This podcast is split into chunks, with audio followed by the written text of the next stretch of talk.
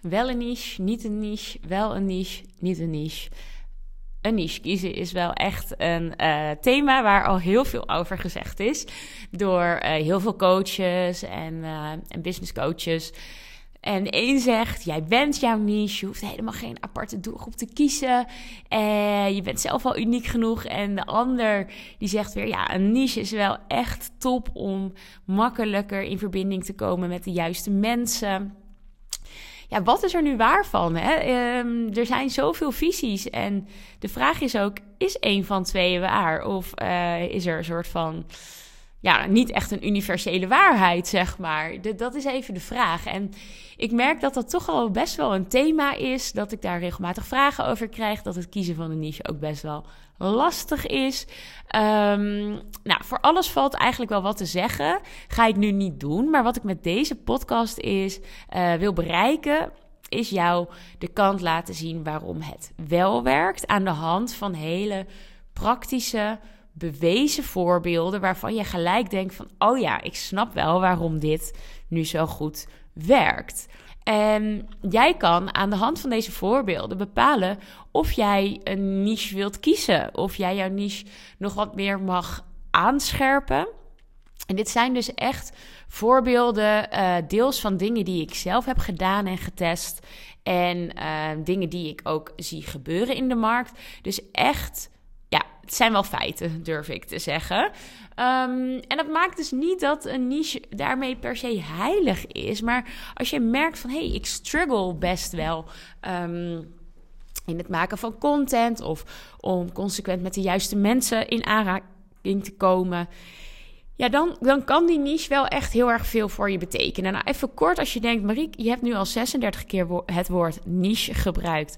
Wat is een niche? Een niche is eigenlijk gewoon um, ja, een ander woord voor misschien wel doelgroep. Uh, dus welke mensen, welk specifieke groepje mensen wil jij heel erg graag helpen? En een doelgroep, daarbij is een beetje de old school gedachte. Nou, vrouwen tussen de 25 en 35 die productiever willen werken. Ik zeg maar wat. Of die willen afvallen. Dus leeftijd, een bepaalde wens. Maar wat nu zo grappig is, is in de groep van 25 tot 35 jaar zitten zoveel verschillende levensfasen. Iemand die bijvoorbeeld um, net met zijn bedrijf start, heeft een hele andere wens rondom productiviteit en plannen dan iemand die bijvoorbeeld een bedrijf heeft, maar net moeder is geworden.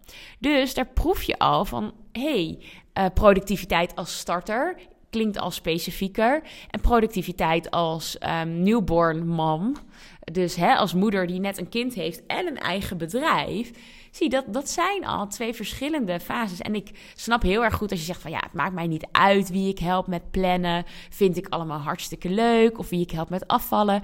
Maar als jij dan tips gaat delen, bijvoorbeeld op social media of in een podcast of in een nieuwsbrief, dan is het best wel moeilijk. Tegen wie ben ik nu aan het praten? Tegen die drukke moeder, tegen diegene die nog student is. Um, die voorbeelden, die zullen niet voor iedereen even sprekend zijn. Dus daarin wil je heel erg kijken van, hey, is er misschien een soort van gemene deler uh, die ik wel heel erg leuk vind, waar ik mijn niche van kan maken? Nou, en dat was even een kort, kort stukje theorie, maar ik ga je meenemen naar die um, drie bewezen voorbeelden waarom een niche heel erg goed werkt. En de allereerste die ik als voorbeeld wil nemen, dat is um, mijn Instagram-account met ons camperbusje. Wij hebben, uh, wij is in dit geval Bjorn en ik, mijn man en ik, hebben in een van de eerste corona-lockdowns uh, hebben wij een busje gekocht, net als heel veel andere mensen. En wij zijn dat helemaal zelf van uh, niks, eigenlijk van een, een kaal bestelbusje, gaan ombouwen naar een heel mooi camperbusje, waarmee we inmiddels ook al hele mooie reizen hebben gemaakt. En um, dat hele proces heb ik eigenlijk gedeeld op Instagram. Je kunt dat account ook nog uh, terugvinden. Kun je alles zien wat wij hebben gedaan. Het account heet Plants in a Van. Um, want we heten Plant.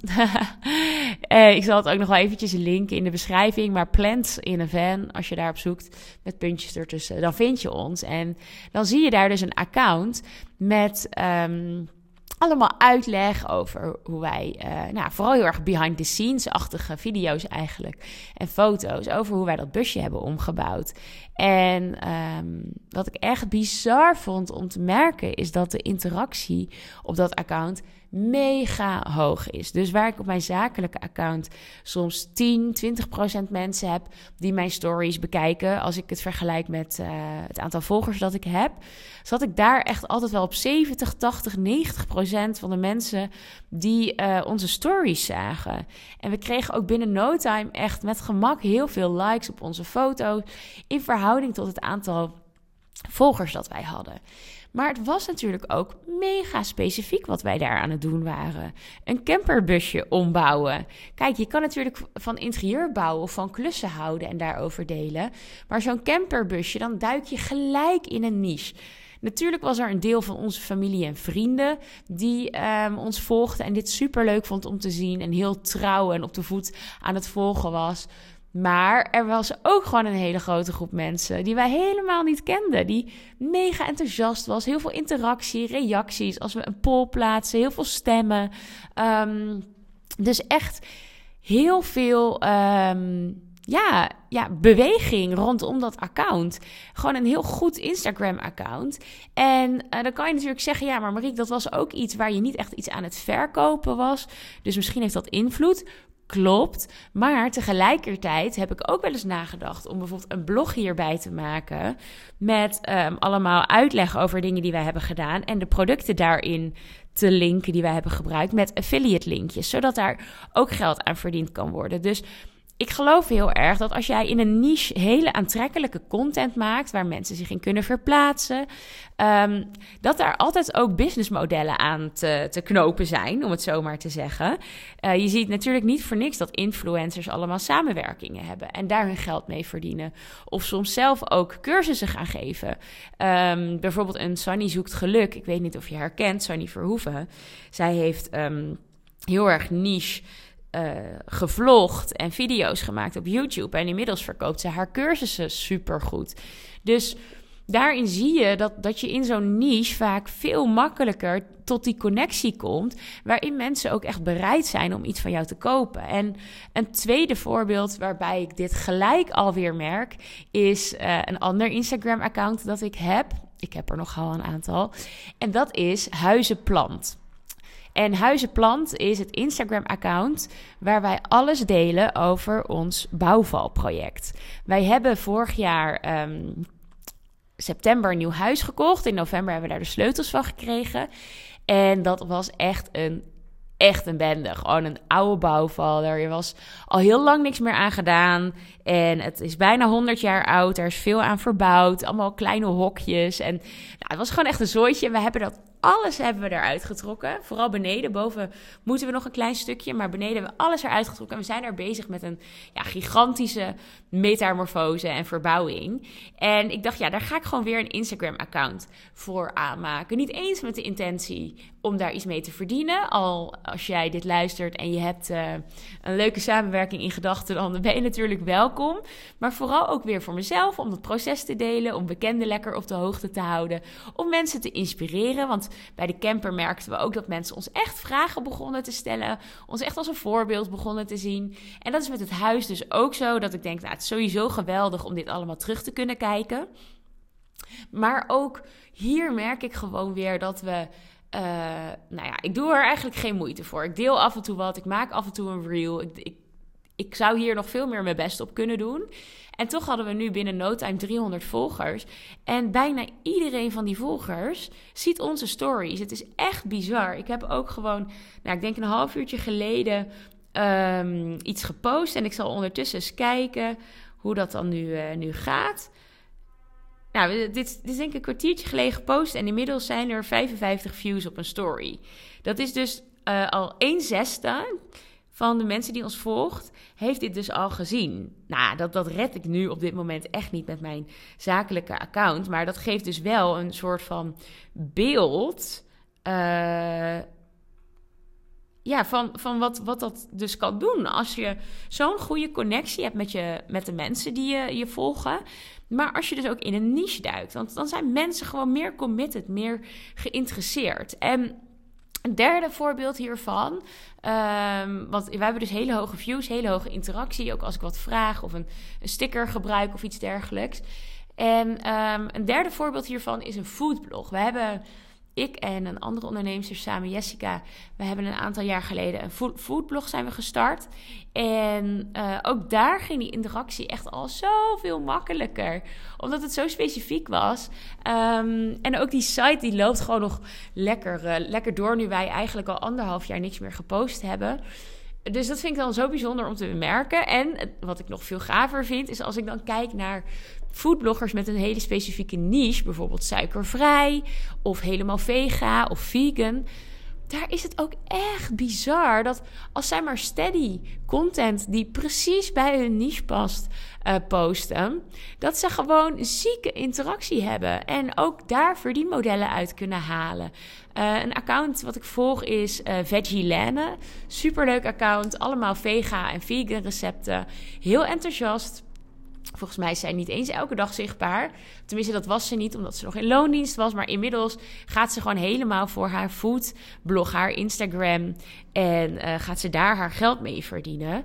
En ook zij heeft zoveel trouwe volgers, zoveel interactie. Zij is zo explosief gegroeid. Dus dit zijn voor mij echt tekenen dat het wel echt heel erg goed kan helpen als je de juiste niche kiest. Het is geen must. Er zijn ook ondernemers die geen echte keiharde niche hebben of zeggen dat ze geen niche hebben. Want eigenlijk is er altijd wel een verbindende factor in die doelgroep te vinden. Maar ja, dat, dat is echt wat ik je graag wil meegeven en waar ik je mee wil inspireren met deze podcast. En wat ik al zei, je kan zeggen: oké, sommige dingen zijn leuker om te volgen dan bijvoorbeeld een business coach die iets wil verkopen. Maar ik geloof dus dat we ook allemaal een, een, soort van mate van entertainment in ons hebben. Jij hebt dat ook.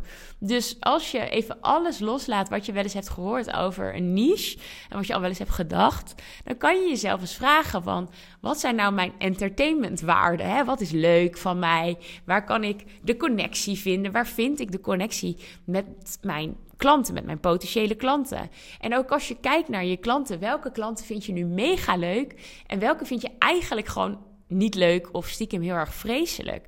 Ook daarin zitten signaaltjes naar van hey, dit zou mijn niche wel eens kunnen zijn. En een niche kan verschillende invalshoeken hebben. Het kan de pijn zijn waar je elkaar vindt, het verlangen. Het kan een bepaalde levensfase zijn, een bepaald doel, een bepaald budget zelfs, of een uh, bepaald aanbod. Niet ieder aanbod is geschikt voor een, hele of, uh, voor een hele brede doelgroep, maar juist voor een hele specifieke doelgroep. Dus zet die dingen maar eens bij elkaar. Um, en dan heb je eigenlijk al een mooi deel van jouw niche ontrafeld. En voor mij gaat dit echt over dingen doen die echt bij jou passen. Dus niet kiezen vanuit, oh, als ik maar zo breed mogelijk ga, dan zijn er ook veel potentiële klanten. Maar echt kiezen voor wat bij je past. Durven te kiezen om uiteindelijk te gaan voor duurzaam succes. Succes dat blijft komen, waarmee je blijft groeien. En dat is waar ik heel erg voor sta en waar ik jou ook heel erg graag mee wil uh, helpen. Um, en dat, ga, ja, dat doe ik op een aantal manieren. Maar een van de dingen waarin ik je dat echt wil laten voelen van... hé, hey, wat past nu echt bij mij? Dat is tijdens Unleash. En dat is mijn event op 19 april. Midden in Nederland gaan we een hele dag lekker connecten met andere ondernemers, ontdekken wat echt bij jou past en wat je lekker mag loslaten om te kunnen groeien. Je gaat ervaringen delen, heerlijk eten en drinken en met een hele hoge energie en inspiratie weer, uh, weer naar huis.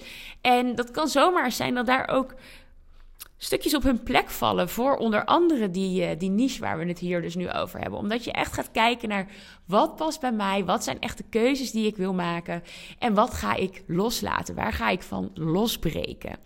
Dus wil je hierbij zijn? Claim dan je kaartje via de beschrijving. Er zijn nog een paar early bird tickets beschikbaar op het moment dat ik deze podcast opneem. Maar zijn dus sowieso nog kaartjes beschikbaar? Uh, als je deze podcast luistert in de periode dat hij ook gepubliceerd is, lijkt me geweldig om je erbij te hebben. Heb je nu vragen over het hele niche-verhaal of over Unleash? Stuur me dan even een berichtje via Instagram. Zoek me even op mariekeplant.nl. Uh, want ik vind het onwijs leuk om van je te horen. Ook al laat je eventjes alleen maar weten dat je de podcast hebt geluisterd. Dat uh, ja, vind ik super fijn. Ik hou wel van dat stukje persoonlijke contact. Dus stuur me een berichtje of koop ook eventjes je ticket voor Unleash als je dat nog niet hebt gedaan. En dan spreek ik je heel erg snel en wens ik je nu een hele fijne dag.